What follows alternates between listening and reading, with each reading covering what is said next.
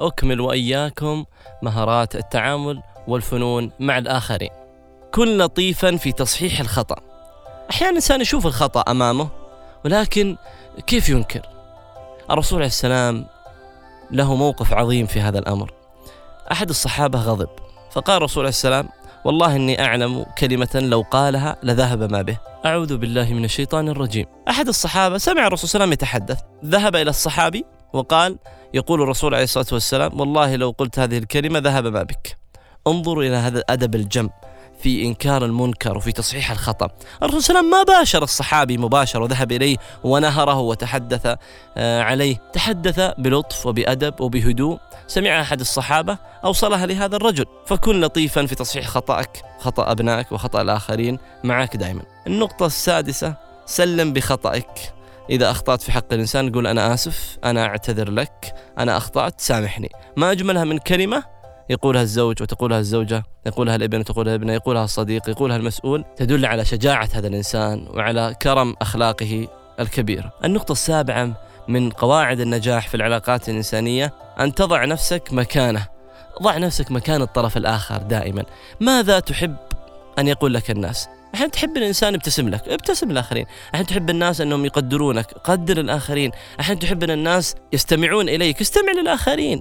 كل ما تريد من الآخرين افعله أنت للآخرين حتى تجده. من الأمور الرائعة جدا الثناء على الآخرين ومدحهم.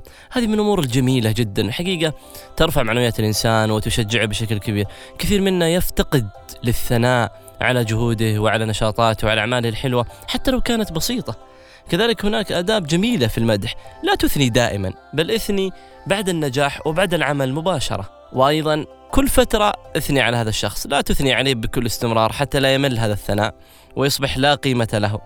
أيضا لا تمدح بعبارات عامة أنت سكرتير رائع أو أنت بائع ممتاز أو أنت طالب متميز لا. امدح وقول أنت يا فلان. عملك رائع جدا متميز. أدائك مرة عجبني يعجبني هذا الأسلوب الجميل منك. الله يوفقك استزد من هذه الأشياء الجميلة. هذه العبارات العاطفية المعنوية الجميلة التي تقربك إلى الناس وتقرب الناس لك بشكل كبير جدا. كثير من الناس يفتقد هذه المشاعر. اثني على أبنك في أي جهد في أي عمل في أي موقف صدق يقول. له اثني على زوجتك. كما نعلم أن النساء تفصيليات والرجال إجماليين. الرجل لما تسأله عن شغلة معينة يقول لك والله جميلة رائعة ممتازة. لما تسأل امرأة تجدها تفصل لك تفصيل دقيق. هذه طبعا اختلافات بشرية خلق الله عز وجل الاختلاف بيننا كذلك.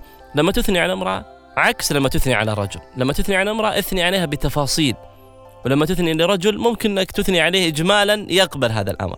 أما المرأة لا تقبل منك هذا شيء جميل وانتهى الموضوع. مثال لو تثني على زوجتك قدمت لك طعام واثنيت عليه والله طعام لذيذ وانتهى الموضوع. لا لابد أن تثني الطعام لذيذ وترتيب السفرة رائع جدا وضع الملعقة بهذا المكان كان كان رائع ومتميز والأكل فيه مذاق معين. هذه الأشياء لازم تفصل في مدح كل ما تراه كل ما تشاهد. هذا يسر المرأة.